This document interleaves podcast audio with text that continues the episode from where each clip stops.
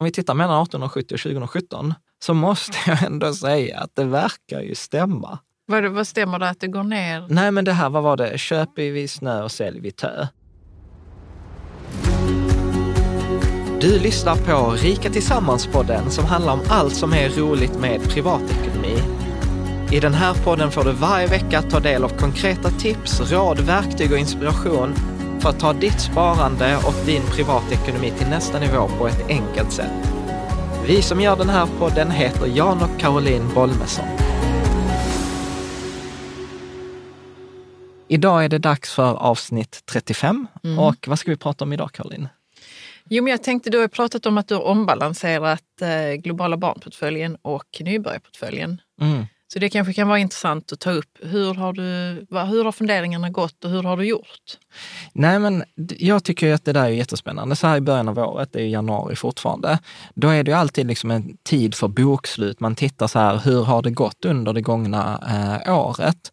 Och sen har jag också gjort den här listan med liksom de bästa fonderna för 2018. Och har man liksom analysen hur det har gått, man har de bästa fonderna, ja men då kan man ju ta nästa steg. Mm. Man kan gå i aktion. Mm, Mm. Precis. Och jag tänker ju att det har ju gått ganska bra. För fonderna. För, ja, ja, precis, för, för portföljerna. För portföljerna, sorry. Hur Ja. har det gått då? Jo, men det har gått eh, ganska bra. Det är roligt när vi gjorde ett förut en inspelning så visste jag faktiskt inte det i huvudet. Men nu fick jag faktiskt eh, kolla upp det. Så vi Du har tagit reda på det Ja, vi fick göra en omtagning här. Nej, men eh, eh, globala, eh, eller nybörjarportföljen gick 7,7 procent och Mm. eh, eh, globala barnportföljen tror jag slutar på 10,4 procent. Mm. Så att det, är, det är jättebra. Det är högre än de 6-7 procent som vi brukar räkna med. Mm. Men sen gäller det också att man jämför med rätt index så att man inte gör som sådana här fondförvaltare, att man liksom jämför äpplen med päron. Men vad, hur, hur jämför de? Nej, men eh, det, alltså det handlar ju till Jämför de med något som har gått mycket, mycket sämre? Nej, men, ska... nej, men till exempel en sån här klassisk eh, grej eh, som man gör är att en småbolagsfond jämför sig med en storbolagsfond. Mm. Alltså man säger så här, ah, men detta är Sverigeindex, detta är Sveriges 30 största bolag. Men fonden investerar ju inte i Sveriges 30 största bolag, utan den investerar ju i kanske Sveriges eh, 200 småbolag. Och småbolag kommer ju alltid gå bättre än storbolag, men risken är ju mycket högre. Mm. Och då blir det för mig så här, ja men det är liksom knökigt att jämföra de två. Det är som att jämföra en global fond som investerar i hela världen med Sverige. Det blir ju, det Mm. Ja. blir ju lite eh, snett. Nej, men eh, så att eh, är, nu när vi har liksom både de här bästa, bästa fonderna och vi har analysen, eh, då, är, då är det dags för liksom ombalansering. Och jag brukar säga så att ibland så är så här, ombalansering är så här hemligt, eh, men hemligt verktyg. Så, Vad då menar du med hemligt verktyg? Nej, men jag tänker så här att eh, det och så frågar du ett proffs eh, vad en ombalansering är, så kommer de säga självklart, det vet jag, det använder jag. Eh, frågar du liksom en nybörjare eller en privatsparare, alltså, hur ofta ombalanserar du din portfölj, så, så vet de oftast inte vad det är. Nej. Och det som jag gillar med så här, typ, eh, de bästa koncepten, där ombalansering är ett sånt här koncept, är ju att de ska vara enkla. Och ombalansering handlar egentligen bara om att man återgår till den ursprungliga fördelningen som man har valt för sitt sparande. Mm. Och eh, jag tänkte... Vadå skulle- med återgår? Varför behöver man återgå ens? Jo, men eh, så här att en portfölj tenderar ju, en fondportfölj tenderar ju glida under året. Alltså säg till exempel om vi tar nybörjarportföljen. Mm. Där har vi ju sagt så här att ja, men det är en klassisk eh, 60-40 portfölj, alltså 60 procent aktieindexfonder, 40 procent räntefonder. Så Det vill säga att man har en krockkudde. Man har de här aktierna med hög risk, med hög möjlighet till avkastning, men sen har man också en krockkudde som skyddar när, när det rasar. Och då säger det sig självt att om man har detta i ett år, om man inte gör några förändringar, så kommer ju aktieandelen öka och följaktligen kommer räntedelen minska. Varför är det så? Jag fattar inte det. Jo, men om, om aktiedelen går upp med 10 procent, Ja, så har ja, den okej. ökat med Ja. 6 procent. Eh, Medan om räntedelen, då, de ökar inte med 10 procent, utan de ökar kanske med 2 procent. Då får du en snedfördelning. Då ökar, även om liksom hela kakan ökar i storlek, Ja, jag tänkte det. Så, så, blir, eh, så blir det liksom en, en förändring. Alltså om jag ska ta ett enkelt räkneexempel. Mm. Alltså om vi har 100 kronor eh, i början av året och sen för enkelheten skulle jag säga att portföljen går upp med eh, 10 procent då kommer sannolikheten är stor att eh, av de här 60 kronor aktier, att de kommer stå för 8 kronor av ökningen. Och sen kanske kommer bara räntefonderna bara stå för typ en krona. Och då har Okej. du liksom en snedfördelning däremellan. Då har du inte längre 60-40. Och då vill man gå tillbaka till den här 60-40. Eh, Det låter ju så självklart nu när du har förklarat det. Ja, så, tack. Jag hoppas att det är lika självklart för lyssnarna. Jag känner mig nästan dum att jag frågade. Men, det är så, men, ja. nej, men det är ju de frågorna som är, som är Tänk- viktiga. För att eh, det, det är ju detta som är tyvärr problemet för många av oss som har gjort detta i många år, att vi tycker att det är så självklart. Eh, och, och sen så förklarar vi dåligt. Det är liksom hela det finansbranschen lever på, att ju svårare det är, desto mer kan man ta betalt. Och mitt, vårt mål med Riket det är ju precis tvärtom. Men det andra, det andra som är så himla bra med, eh, med ombalansering, det är att det tvingar dig att sälja det som har gått bra och det tvingar dig att köpa det som har gått mindre bra. Vilket gör att du faktiskt för en gångs skull följer den här eh, devisen, eh, köp, eh, köp billigt och sälj dyrt. För att tittar man på i princip varenda annan statistik, alltså så här inflöden, utflöden till fonder, så är vi, alltså vi är skitdåliga. Alltså har det gått eh, upp en månad, ja då sätter vi in pengar månaden efter och vad tenderar hända? Ja, men det en går ba- vinnare ju. Ja, då backar det. När det har gått som sämst, alltså under finanskrisen och så här, IT-bubblan, då är det ingen som vill sätta in aktie, pengar i aktier. Utan vi sätter in det först när det har ökat, ja men bitcoin. Bitcoin har funnits flera år. När börjar liksom spara, de amatörerna sätta in pengar? Jo, i höstas när det redan ökat 10-15 gånger. Mm. Liksom. Så, att, eh, så att ombalansering tvingar dig att om aktierna har ökat i värde så kommer den eh, liksom att eh, tvinga dig att sälja av dem, köpa räntefonder så att du hämtar hem en del av eh, vinsten. Mm. Och man har bevisat, liksom, det finns många vetenskapliga artiklar på det här, men att, att ombalansering är ett bra sätt att eh, öka, öka avkastningen. Att man kan till och med få i sådana här eh, perioder av där börsen inte går varken upp eller ner utan den går i sidled, så kan man faktiskt få en avkastning med hjälp av ombalansering. Faktiskt. Hur kan börsen gå i sidled egentligen? Nej men alltså att den går upp och, och sen så går den ner. Liksom. Alltså att den går i de här vågorna eh, Alltså som den det är- tenderar att gå. I slutändan så har den... Så har den inte, tittar du, tittar du liksom så här, ofta brukar man ju prata om så här the last decade som var i början av eh, 2000-talet, jag tror det var mellan 2000 och 2010. Då var liksom så här, tittar man på vad index stod på i 2000 och vad det stod då tio år senare så var det i princip förändringen var obefintlig. Mm. Men om du hade ombalanserat och månadssparat så hade du haft en avkastning i alla fall. Okej. Så att ombalansering är, eh, det är superbra. Mm. Och jag har skrivit om detta i detalj på bloggen, så man, man kan gärna gå in på bloggen och titta just på så specifikt hur vi gjorde ombalanseringen. Och jag har till och med eh, liksom skrivit artiklar, en separat för nybörjarportföljen och en för globala barnportföljen. Vill du bara säga någonting om hur det ser ut nu då? Ja, nej, men tanken är att eh, jag har försökt förenkla portföljerna så att jag har tagit bort några fonder. Eh, helt enkelt så att inte ha, eh, att ha liksom som minst 5% i varje fond. Vilket har gjort att ingen av portföljerna har mer än 10 fonder. Man kan månadsspara i allihop. Hade du någon som hade mindre än... Jag tror det. 0,5%. Alltså innan hade jag det. Hade vi fonder, så alltså det var så här, ja men denna fonden vill jag också ha, men denna vill jag också ha. Alltså lite, ja men sådär som det kan vara. Så att, eh, men med tanke på det som jag också skrev i den här artikeln Bästa fonder 2018, majoriteten av avkastningen ges ju av tillgångslaget, alltså det vill säga aktier.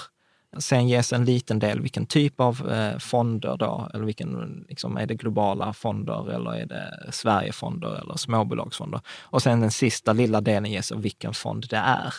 Så jag har försökt ta bort överlappningar eh, eh och sådant. Mm. Nej, men att Vad liksom helt enkelt för, för- förenkla. Det blir inte bättre för att det är komplicerat och man får inga, man får liksom inga bonus. Jag tycker inte man ska ha några bonuspoäng för att man gör saker komplicerat. Eh, helt enkelt. Var det du bara skrattar åt mig? Ja, men jag tänker så, vem är det som gör saker komplicerat egentligen? Ja, men titta på, eh, alltså så här, nu ska vi ju inte hoppa in i alla avarterna, men förra veckan eh, så pratade vi med Henrik Tell Mm. och så, så pratar han ju om, eh, liksom så här, vi frågar om så här, vad är det största misstaget folk gör? Och så sa han så här, ah, men det är kanske inte så mycket folk utan det är finansiella rådgivare. Så när folk kommer med sina portföljer så ser de ju skrämmande ut. Och urtypen för det som är skrämmande, är, det är ju sådana här strukturerade produkter. Ehm, jag tror att en av läsarfrågorna handlar om det där också. Och de där strukturerade produkterna, det är, alltså, det är så komplicerat så jag, jag vet, jag har liksom ägnat mig många gånger till att försöka läsa dem och förstå hur de funkar. Och liksom så här, hur mycket betalar jag i avgift? Vad är det jag egentligen får? Och det, ja. och det är ju det som finansbranschen har tjänat massor pengar på under åren. Att ju svårare det är att förstå, desto mer magiskt tycker vi att det är. Och desto mer kan de ta betalt, för det är ju svårt. Men jag påstår ju liksom att man kan göra 90 procent av allting bara genom så här simpel gymnasiematte, alltså plus minus division. Eh, så fort man börjar räkna massa andra grejer så är man... Differentialekvation. Ja, ja, precis. Jag får så här rysningar. Behöver man inte i sin ekonomi? Nej, definitivt inte i sin privatekonomi, sitt fondsparande. Mm. Så att det, det, är väl eh, ombalanseringen. Gå in och kolla. Eh, och du som följer oss på Shareville eh, lär ju ha sett det i början av veckan, att plötsligt så var det en massa transaktioner. Så att det enda vi gör nu, nu har vi förändrat portföljerna och nu kommer de köra fram till december och sen så kommer vi spela in nästa avsnitt. Sånt här om ny ett, ombalansering. Ny ombalansering i januari. Egentligen också, handen på hjärtat, vi skulle inte behövt ombalansera. Alltså förändringen tror jag i globala barnportföljen, det var så här 90,8 procent aktier och 99,2 procent räntefonder. Och målet är att det ska vara 90-10. Alltså så det var bara om 0,8 som var fel. Nybörjarportföljen var det lite mer större snedvridning för att vi hade ju satt in mycket kapital. Så att då blev det plötsligt så var det en majoritet räntefonder. Det var ju inte, det var ju inte riktigt eh, eh meningen. Nej. Men så att det var ombalanseringen. Ska vi... Jag vet att du har förberett massa frågor. Jajamän. Ja, vi har äntligen tagit tag i det här igen, att eh, svara på läsarfrågor. Ja. Och eh, vi har en, en läsarfråga från Anna-Lena som eh, har ett, ett eh, bolag med sin kompanjon. Jag tror de håller på med hamster och hundmat. Alltså, ja. okay. Nej, men jag älskar så när de skriver vad de håller på med. Och, ja. och hon skriver så här att de sparar 8 400 varje månad mm. i Länsförsäkringar till pensionen. Och det kanske inte är det smartaste. Försäkringen heter ålderspension, fond och garantiförvaltning. Mm. Pengarna placeras av Länsförsäkringar och man är garanterat få tillbaka minst, minst mm. det man har betalat in. Mm. Och hon, hon undrar om det här egentligen är det smartaste sättet och frågar kan man ha till exempel en Rika Tillsammans-portfölj i företaget och spara pengarna där? Eller hur tänker du? Om du skulle ge något alltså tips? Jag, jag tycker alltid att pensionstips och sånt är ju lite vanskligt. Mm. Helt enkelt. För att man, ja, alltså så här, vi, har ju inte, vi har ju inte hela bilden äh, av det. Men, men man kan säga någonting generellt. Eh, och generellt så skulle jag säga så här. Jag personligen är, gillar inte, vad heter det? Jag gillar inte garantilösningar. För, Nej, vad för, är det för någonting egentligen? Men garantilösning är att... Att man garanterar att få tillbaka minst det man har betalat in? Ja, så att om jag sparar in 10 000 så kommer jag minst få 10 000. Och, och, och där blir det ju så här att där blir vi ofta lurade, för då tänker vi, alltså detta är en sån typisk grej som min mamma hade gillat. Och det är lite läskigt med aktier, då investerar jag på det här sättet, för i värsta fall så får jag tillbaka pengarna jag har satsat. Liksom. Man är rädd att förlora man dem. Är rädd, man är rädd att förlora dem. Mm. Och det är ju det de finansiella rådgivare säljer in detta på, den här rädslan att förlora. Alltså det Men de måste ju tjäna pengar på det. De tjänar pengar som gräs på det där. Eh, för att jag kollade upp den där, då var det rätt mycket räntor. Jag tror det var uppemot 40-50 procents räntor i det här. Mm. Och, och de skulle spara detta i 20... Räntefond. Räntefond, ja. Alltså. ja mm. Och de skulle spara detta i 20 ja, de har år. En, ja, precis. Ja. Och, och då är det ju som jag, jag, jag publicerade det på Twitter och på Facebook i för, förra veckan, tror jag. Då, då gjorde jag den här sammanställningen hur den svenska börsen har gått eh, från 1870 till eh, 2000 Ja, men 2017 till förra mm. året. Och tittar man, eh, då tittar jag på ett enskilt år och då är det ungefär 60 procent upp och 40 procent ner. Men tittar man på en tioårsperiod så har varenda tioårsperiod på Stockholmsbörsen sedan, 18, äh, sedan 1945, sedan andra världskriget, varit positiv. Det är, I princip är det bara under 30-talet, alltså mellan 1929 och 1939, som svenska börsen har gått back på en tioårsperiod.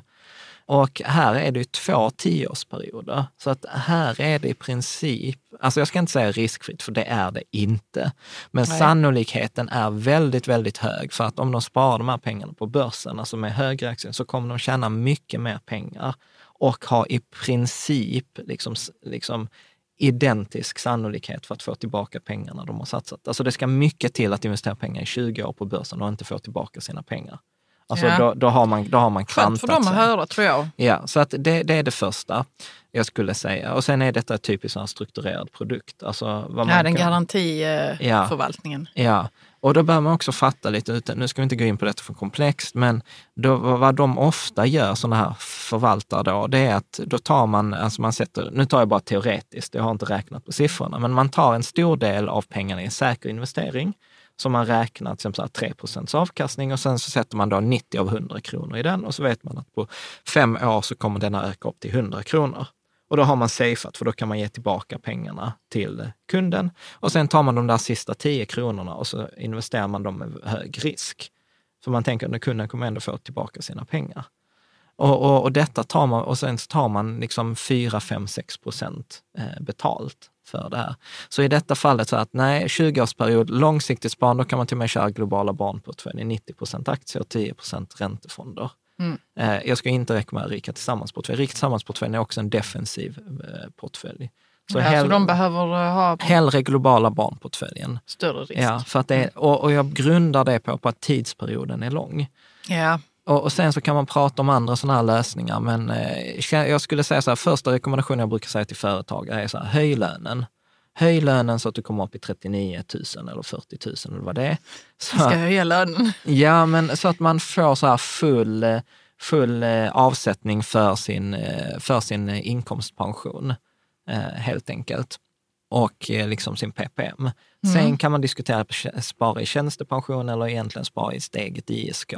Lite beroende på hur van man är så brukar jag säga att det är lika bra att spara till sin pension i ett ISK-konto, bara man inte pillar på det. Ja, precis. Man får motstå frestelsen att ta ut pengarna. Ja, men du hade ju ett bra tips där också, att man kan ju skapa fler ISK-konton och så kunde man ju döpa det eh, till så här pensionskontot. Ja, precis. Ja, Helt enkelt. Ja men vad bra. tror du att tror att Anna-Lena och hennes kompanjon har fått, eh, fått Ja. lite att tänka på. Ja, vad bra. Mm. Okej, men vi har en annan fråga från Karin. Ja. En kortis här. Eh, Hon skriver, Hej, vi har sparat eh, till våra barn i Kapitalinvest. Vad jag har kunnat läsa mig till var det kanske inte bästa beslutet vi har tagit, men nu är det så. Ja. Våra barn är nu vuxna och kan ha behov av dessa pengar inom två till fem år. Ja. Är det läge att sälja dem nu? Om man säljer nu, var ska man placera pengarna istället? Ja. Jag har faktiskt haft Kapitalinvest Har du haft kapital? länge sedan. Jaså? Ja. Jajamän. Ja, men jag, jag, Det jag, gick inte så bra. ja. Alltså jag, jag, Ja, men det, det gjorde det inte, Jan. det gjorde du inte? Nej, Okej inte då i alla fall. Ja, nej men om, jag, jag kollade faktiskt upp Kapitalinvest innan vi spelade in och eh, då, om jag, om jag minns rätt nu, så var det så här 30 procent i Sverige, 70 procent globalt. Eller så var det vice versa. Alltså det var något sånt. Det var i alla fall en, en aktieportfölj. Eh, och avgiften var 1,21. Och jag, det är rätt högt. Det är jättehögt. Jag Mm. brukar säga så här att det ska väldigt mycket till för att man ska ha en fond med en avgift över 0,4 procent. Och i detta fallet, så om det nu är 30 procent Sverige, 70 procent eh, liksom i världen, då är det mycket bättre att då, om man ska ha ekvivalent, då är det att ha en global fond, typ så här eh, Swedbank Robur Access Global eller Länsförsäkringar Global på 70 procent och sen SEB Sverige Indexfond på 30 procent. Och då har du kapat avgiften eh, från en, en då 1,2 till 0,3. Men, men att de ska typ. ta ut pengarna nu? Nej, men det, det är svar. Det är ersätta kapitalinvest. Ersätta kapitalinvest. För, för att den här kapitalinvest är en kassfond. Ja. Liksom. Så det- man ersätter med de här som du räknade upp två. nu? Ja, så, så har man precis... har, inte sam, har ingen avgift? nej, jo, man har avgift 0,3. Så då, har du 0,3. sänkt, så då har Mm. du sänkt avgiften 0,4, typ. Mm. Liksom. För det blir rätt mycket pengar över åren. ju. Det blir jättemycket pengar. Men det är inte det som är mitt råd till Karin. Nej. Eh, För att eh, återigen, det viktigaste när vi sparar pengar är tidsperioden, alltså tidshorisonten. Och här har de en kort tidshorisont, två till fem år. Och tumregeln är ju att man max ska ha, liksom, eller Hmm. Rekommendationen brukar vara så här, 10 procent i aktier per år du kan låta pengarna vara i fred. Och i detta fallet så kan du bara låta pengarna vara i fred i två till fem år. Mm. Alltså bör det inte vara mer än 20 till 50 procent aktier och därav bör kapitalinvest bort. Och jag skulle säga så här, två till fem år, jag är en försiktig general, då hade jag tagit 20 procent i aktieindexfonder, typ. Jag hade nog valt eh, Länsförsäkringar Global till exempel. Eller den här Swedbank Robaccess Global eller DNB Index Global eller någon sån. Låg avgift, bred indexfond. Eh, man kan titta i den listan bästa indexfonderna. Och eh, sen så hade jag satt resten på ett bankkonto eh, med insättningsgaranti och en ränta på typ, jag tror 0,5 kan man väl få. Vi har en artikel också där som heter Bästa sparkontona. Mm. Men sparkonto med insättning, chansa inte med pengar som man ska användas inom fem år. Alltså det, det, är, inte, det är inte bra. Det ska vara lätt att ta ut dem om man ska Ja, för att alltså så här, nu, nu har ju börsen, alltså om jag inte är helt fel på det, börsen har ju nu gått upp i nio år i rad. Alltså vi har haft en enorm utveckling. Vi är long overdue för en vi, korrektion. Får jag bara fråga, så, vilken börs är det vi pratar om? Är det Stockholmsbörsen okay, hela börsen, eller hela? Hela. Hela, ja, alltså, ja, alltså nu Stockholmsbörsen har ju gått ganska dåligt, alltså, men den ligger, jag tror att den slutade ändå på plus. Eh, framför, 2017? Ja, ja. Mm. framförallt är det den amerikanska börsen som drar. Alltså den går ju som tåget. Jag tror att den gjorde 72, 72 rekord förra året. Liksom. Det är ändå svårt att fatta. Ja, men så här, det är svårt att fatta ja. med tanke på hur eh, men däremot så, så, men så här, politiken har, ser ut. Ja, vi behöver inte ens gå in på allas vår Trump. Men då har politiken och finansvärlden kanske, de kanske står Alltså jag, jag vet, jag vet eh, inte. Jag, våg, jag, våg, jag vågar inte uttala mig. Det Nej. kan mycket väl vara att det är kvar efter Obama. Eh, sen, sen är det ju så att Trump driver en, en ekonomisk företagsvänlig politik. Han sänkte ju skatten nu från 30 35 procent till 20, 22 procent. Det är ändå rätt roligt. Vi brukar för företagare? För företag. Vi brukar mm. ibland ändå tänka så här, Sverige har en hög skatt, men vi har haft en lägre företagsskatt än vad USA har haft. Och mm. många, alltså så här, men nu är vi i det där att för, förutsäga framtiden. Eh, och jag tror ju liksom inte riktigt att det, det går. Så man ska absolut inte spekulera så här, nu har det gått upp i nio år, nu borde det komma Nej. en korrektion. För den kan komma om tre år, det kan fortsätta upp i tre år till. Det och som det, kommer upp och, måste komma ner, tror man. Men det är inte säkert. Ja, så, så är det. Det går ju upp och ner. Men problemet är att man vet ju inte när. Det är ju Nej. detta miss, missen jag gjorde med bostadsbubblan. Alltså jag har ju haft ganska, liksom så här, varit ganska klar på att vi har en bostadsbubbla, men jag har haft helt fel i timing. Mm. Och det spelar ingen roll om du har rätt, men fel i timing för att du förlorar pengar ändå. Ja, precis. Eller som det här klassiska uttrycket på börsen, så här, marknaden, kan, marknaden kan vara irrationell mycket längre än vad du har råd. Liksom. Ja.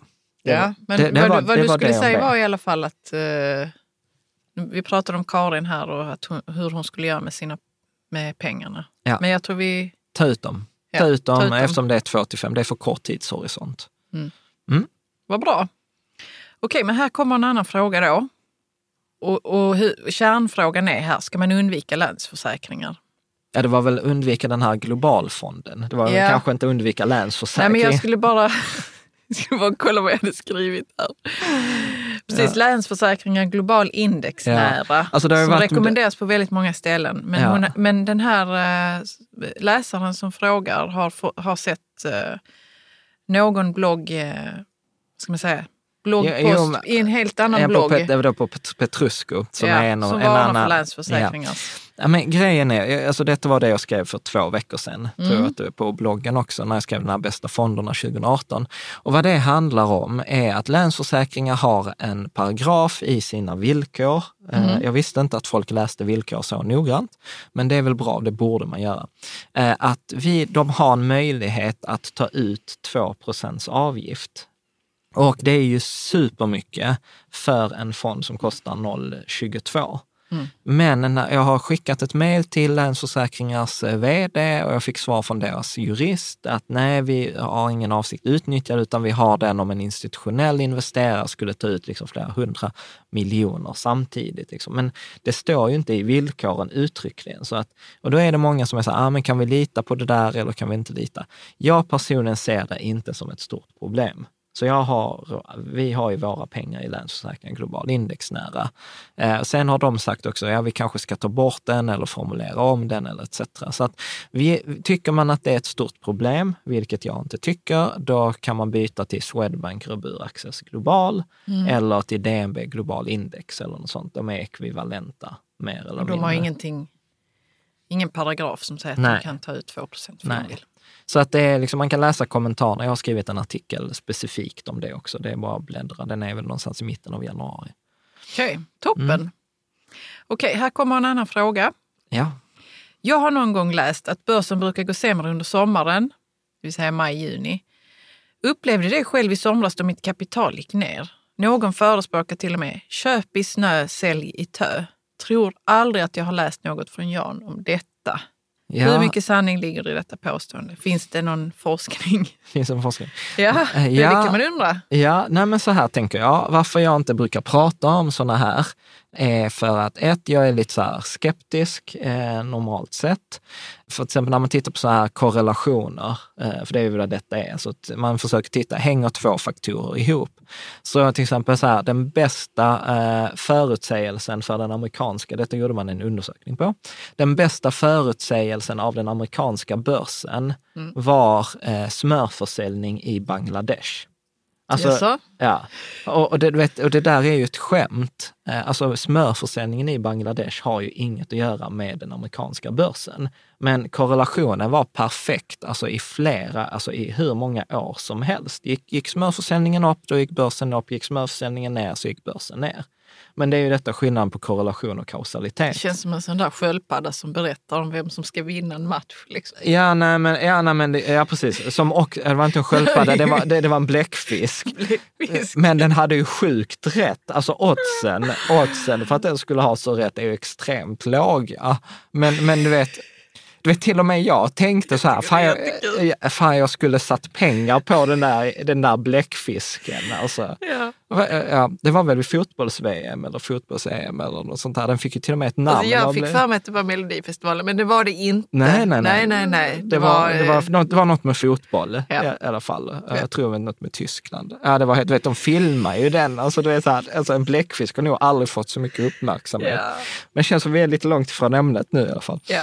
Men i alla fall om vi hoppas... Kausalitet var det. Ja, ja Mm. precis. Och hur saker är. Men jag är ju nörd och jag har ju all data för Stockholmsbörsen från 1870. Så att, Vadå, eh, månadsvis eller? månadsvis eh, för, och sen, eh, sen ett, många år tillbaka på dagsbasis också. Dagsbasis Ja.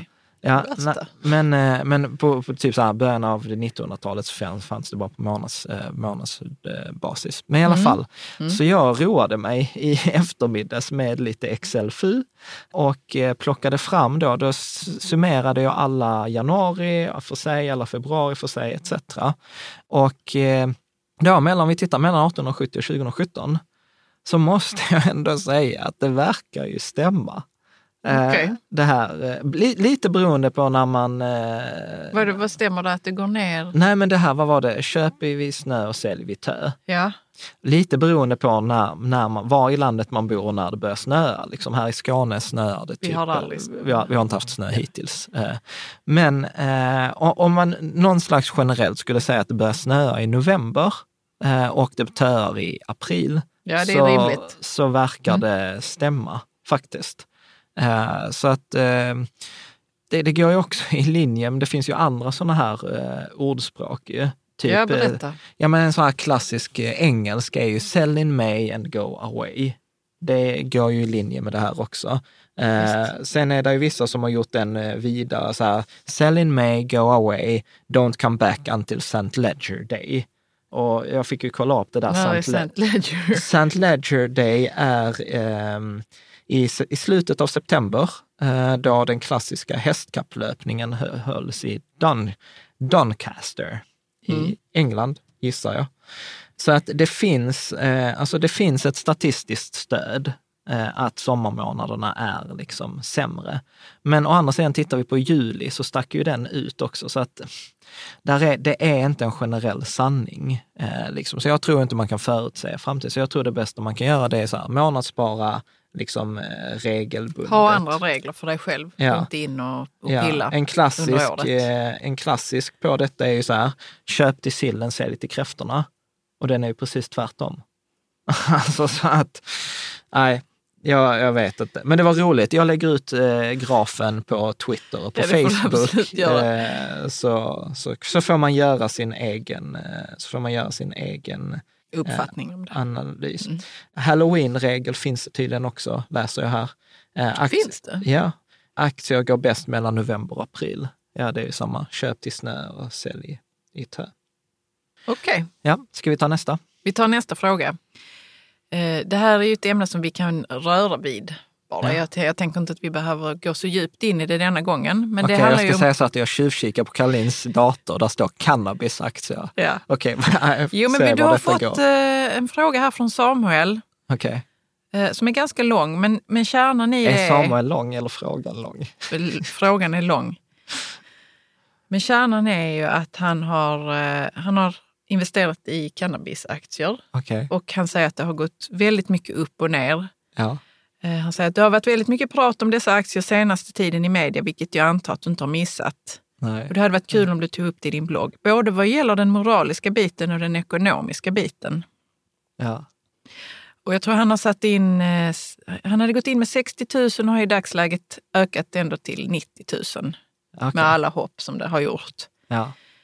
Han är faktiskt väldigt nöjd och han tycker att det är lite din förtjänst. Att han har köpt cannabisaktier. ja, faktiskt.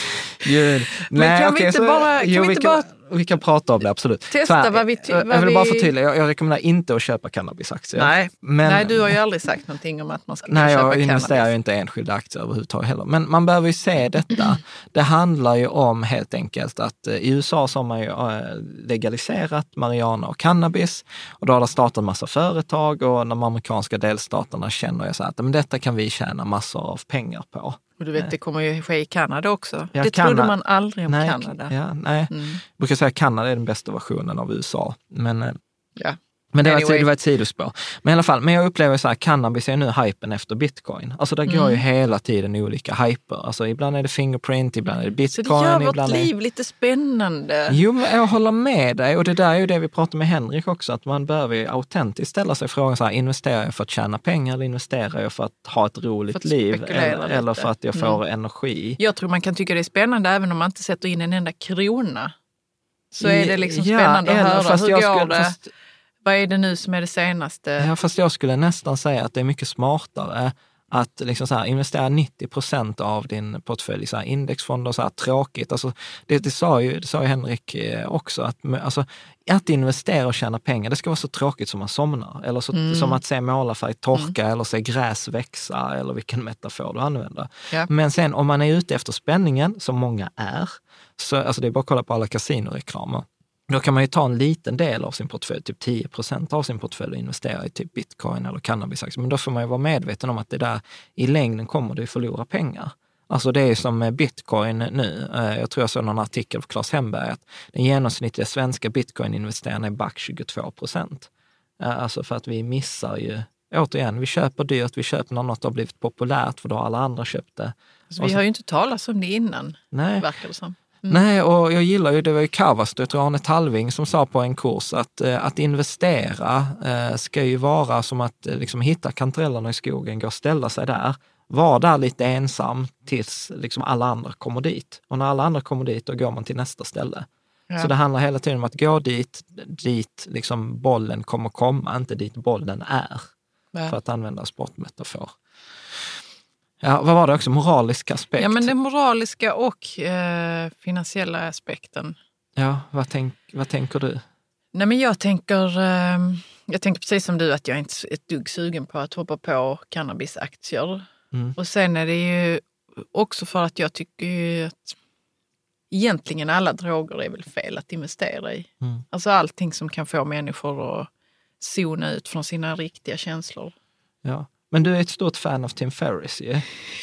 Vad betyder det?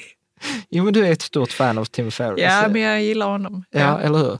Men han skriver som i den 4 hour work week eller 4 hour body. Han brukar ju röka på ibland. Jag har inte sett det alls. Jag måste ha missat det helt. Det- Där han skriver att han röker på. Ja, Ja, jag är ledsen. Jag du är anti. jag är anti. Du är anti. Mm. Jag har väl äh, kring den moraliska aspekten. Alltså jag, är- jag är ju liberal ju. Så jag tycker Mm. så länge man... Jag, gillar det, jag gillar dig för att du är li- liberal. Ja, tack. Eh, nej, men jag, jag tänker ju så här, vill, vill folk röka på, låt dem röka på. Alltså bara det inte drabbar tredje person. Det är väl liksom min... eh, Och hur är det nu med cannabis? Ja. Och alkohol och tobak och allt. De brukar ju inte ingå i Alltså- de hållbarhetsindexen. Nej, om vi tack säger, och lov. om Alltså vi säger de, så. de drabbar alltid tredje person och fjärde person och femte Ja. person. Tyvärr är det så. Ja. Mm. Bra, ska vi ta, så det, det, det, blev inte mycket stöd för cannabisaktier? Nej, Nej det blev det inte. Jag, jag, får väl säga att jag är glad för Samuels skull på något vis. Ja, att det alltså, har gått absolut. bra för alltså, honom. Det vikt, så här, om, om, jag ska, om jag ska säga någonting. Mm. Det viktigaste är att man kommer igång med sitt sparande, att man tycker att det är roligt. För om man börjar tycka ja. att det är roligt så kommer man fortsätta med det. Enda risken är att när sådana här spekulationer går emot en ja. så kan man dra slutsatser. Ah, men du vet att investera i fonder eller aktier, det är inget för mig, man bara förlorar pengar. Men då har man liksom inte fatt, det, det, det, är inte aktierna det är fel på, utan det är en strategi eller ens plan. Att man mm. behöver veta att man har oddsen emot sig. Alltså, nu är detta en helt ny marknad, då är det ju rörigt. Alltså jag skulle säga om fem tio år kommer inte hälften av de bolagen vara kvar. Nej. Liksom. Nej. Så du menar att man kan ju absolut gå in med lust? Ja, ja, ja. Och man ska ha roligt. Bara man är medveten bara om man är medveten om eh, vad ja. man gör. Och att egentligen tjänar man pengar på det som är trist. Ja. Okej, vad bra. Här har vi en annan fråga. Och det är en läsare som undrar lite om Lysa. Mm. Eh, personen skriver, jag förstår att de investerar i bra fonder, de omplacerar pengarna vid behov. Mm. Eh, personerna bakom Lysa verkar vettiga. Det jag inte förstår är, varför ska man betala för en tjänst som man kan få gratis? Varför ska man betala för aktiv, passiv förvaltning? Mm. Detta, ja, vad, vad tänker du? Jo, alltså jag har ju tänkt mycket på det här de senaste tiden. Vi tog mm. upp det lite i förra avsnittet med, när vi pratade med Henrik också, ja. Ja. Eh, som är rådgivare åt Lysa också. Jag påstår att man behöver ta i aspekt två saker. Man behöver ta aspekt detta vi pratar nu, känslan. Tycker jag att det är roligt att hålla på med mina aktier så är det en motivering. Och sen så får man ta, eh, värdera någonstans sin tid. Alltså om man tittar på Lysa då, de tar ju mellan 0, eh, vad var det, 0,30, 0,24 eller 0,20 och 0,30 i avgift. Eh, så det betyder att på, på 100 000 eller på en miljon kronor så är det 3 000 kronor i avgift helt enkelt. Och eh, då på en 100 000 300 kronor avgift. Och då får man liksom eh, lägga, liksom ställa sig frågan, är det värt för mig att liksom hålla koll på de här fonderna, identifiera fonderna, sätta ihop min portfölj på ett sådant sätt att liksom jag gör det billigare än 300 kronor. Ja. Om jag då har 100 000 eller 3 000 om jag har en miljon. Eh, och sen är det andra som faktiskt eh, jag, som, som gör att jag till exempel börjar mer och mer luta det, som jag sa i ett avsnitt, att vi kommer lägga våra pengar i Lysa, tror jag, på sikt är ju för att du har en massa extra avgifter. Till exempel nu när jag satt, skulle balansera om portföljerna så ville jag ha med en småbolagsfond eh, då och det var lite knökigt för att Nordnet mm. har till exempel inte den jag ville ha. Och då var jag tvungen att köpa den som en börshandlad fond och plötsligt så hade de ett courtage på 0,25 procent. Okay. Och sen hade, kunde det minska till 0,15 procent eller till 0,99. Och sen dessutom hade de då en valutaväxlingsavgift på 0,25 vid köp och 0,25 vid sälj. Så redan där, om jag ska ha en amerikansk börshandlad fond, så betalar jag 0,5 procent i växlingsavgift. Om vi tittar Lysa som har samma fonder, alltså de har ju förhandlat järnet. Jag mejlade dem, eh, då Emelie som jag har kontakt med där, och så sa hon så här, jo men vi har förhandlat stenhårt så vi betalar två, B, två punkter, alltså 0,02 procent i courtage och vi betalar 0,03 procent i valutaväxling. Ja. Du och jag kommer aldrig få 0,03, alltså tre punkter på en valutaväxling. Nej. Så redan där är det ju liksom att jag tror att give or take, att det blir samma. Och, och, det beror på lite hur man värderar sin, sin tid. Men liksom, jag tror att om vi skulle använda Lysa så är det många miljoner vi ska upp till innan jag gör det effektivare. Så att det är därför jag gillar den här fondroboten som, liksom, som fördelar mitt sparande, väljer ut fonderna, gör ombalanseringen. Alltså nu, nu om vi bara tar Eh, liksom att titta på de här bästa fonderna, göra ombalansering, det tar ju tid. Mm. Och då vet jag dessutom inte om jag har gjort den bästa lösningen. Medan, ja det är bara att lyssna på avsnittet med Henrik, han är ju nörd. Det där är ju det han gör på dagarna och det är det som Lysa då gör åt mig. Nördpositivt ja. Sen ska vi väl också säga med, eh, liksom så här för transparensens skull, vi har ju ett samarbete med Lysa att om man väljer att testa Lysa, som är då, eller om man väljer att bli kund om man använder vår länk, vilket vi jättegärna får använda, så utgår det en liten ersättning eh, till oss. Jag, jag lägger den här i samband med videon och med poddavsnittet. För då får vi en liten ersättning för det. Och det är så Mm. vi kan göra de här avsnitten och, liksom inte, ha, och inte ha själv eh, reklam. Men, Mm. men jag kan säga att detta svaret helt autentiskt har inget med det samarbetsavtalet att göra eh, i alla Nej. fall. Nej. Eh, Men den här personen skriver i alla fall att du hade skrivit i ett inlägg att de gick eh, 4,5 miljoner back 2016. Ja. Är det något eh, Jo, men det får man ju också titta på. Man kanske? får ju alltid titta på vad är det för människorna, vad är, hur går företaget? Och det säger sig självt, om man bara tar ut 0,25 i- procent i avgift, det betyder att på en miljon så får du 2 500 kronor. Så du ska ju upp i ganska många miljoner. Alltså säg en anställd kostar ju ja, men en miljon om året. Mm. Och här behöver du både programmera, du behöver betala de för rådgivarna, du behöver betala försäljning, du behöver betala massa pengar. Så det är ju inget konstigt att de går back. Men de måste ju upp i typ en miljard i förvaltat kapital och det är ganska mycket att komma För att det ska löna sig. Ja, och annars när jag pratade med dem så sa de så att ja, men vi har ju kapital att kunna göra detta. Så att återigen, eh, ska man lägga alla sina pengar i Lysa? Nej, det skulle jag nog inte rekommendera, men jag tycker absolut att det är värt att man testar. Testar och ser det som ett eh, alternativ. Och eh, eh, vi har ju lagt en hel del pengar och vi kommer nog fortsätta lägga in Mm. pengar. Absolut. Så att som sagt, använd gärna vår länk om du vill testa. All right. Ska vi ta den sista frågan här nu då? Yes. Och den kommer från Ulrika. Mm. Hur börjar jag investera eh, ett kapital om en miljon kronor som jag inom fem år planerar att börja plocka ut på regelbunden basis under 15 års tid? Mm. Tänk pensionstillskott. Mm. Så vi kan ju ta det redan, det är ju ganska likt den där andra frågan med barnsparandet. Mm. Alltså den avgörande faktorn alltid i alla de här frågorna, alltså jag måste förtydliga det på bloggen på något sätt, är tiden. Jag tycker, jag tycker faktiskt att våra läsare är väldigt duktiga på att skriva just vilken tidshorisont de tänker. Så jag tror att du är ganska... Ja, absolut, men, men, här, men, med det. precis, men om det är till exempel att fem år, ja, då är det Mm. max, max, max 50 procent i aktier. Mm. Eh, Jag skulle till och med personligen tycka att det är lite läskigt, faktiskt. Och sen när man väl investerar, så ja, men då är jag, jag är ett fan av de här globalfonderna. Jag är en försiktig general. Alltså typ, eh, ja men på fem, om man har fem års sikt, nybörjarportföljen är ganska bra, Ja, eh, skulle jag säga i det fallet. precis. Eh, och Ulrika skriver också att hon är väldigt förtjust i indexfonder och balanserade investeringar, men, i Mm. detta, eh, men är i detta läge osäker på rätt strategi, gi- Mm. givet den relativt korta tidshorisonten. Mm. Nej, men jag skulle, jag, skulle, jag skulle säga nybörjarportföljen Mm. eh, och sen balansera den. För jag, om jag gissar att hon är 60, Mm. Så då skulle jag säga lite högre, kanske en 50-50 portfölj då. 50 procent ränta och 50 procent aktieindex. Eller till och med vända på det, 60 procent. eh, Det skulle jag nog egentligen säga, omvänd nybörjarportfölj. Det vill säga ut då? ja, men 60 procent räntefonder eh, och 40 procent aktieindexfonder. Och sen, det- och, sen, och sen minska, för detta har jag också märkt att jag är otydlig kring detta. Men när jag säger fem år, då påstår jag att varje givet tillfälle ska det vara fem år. Så om hon investerar nu och ska ta ut pengarna 2023, då behöver det ju vara då 50 procent eller då 40 procent aktieindexfonder i år. 2019 då sänker man den till 30 procent, 2020 Ja, till precis, 20, man så man måste sänka, sänka den. Liksom. Men hur gör hon när hon ska ta ut det sen, år fem? Ja, då kan man plocka ut från räntefonderna. Ja. Att man säljer av dem. Ja. Bra. All right. Det var sista, det var sista frågan. Det var sista frågan för denna gången. Ja, men grymt. Mm. Men eh, då får vi tacka för idag. Fortsätt jättegärna skriva frågor där på Riket Sammans, gå in på frågor och svar.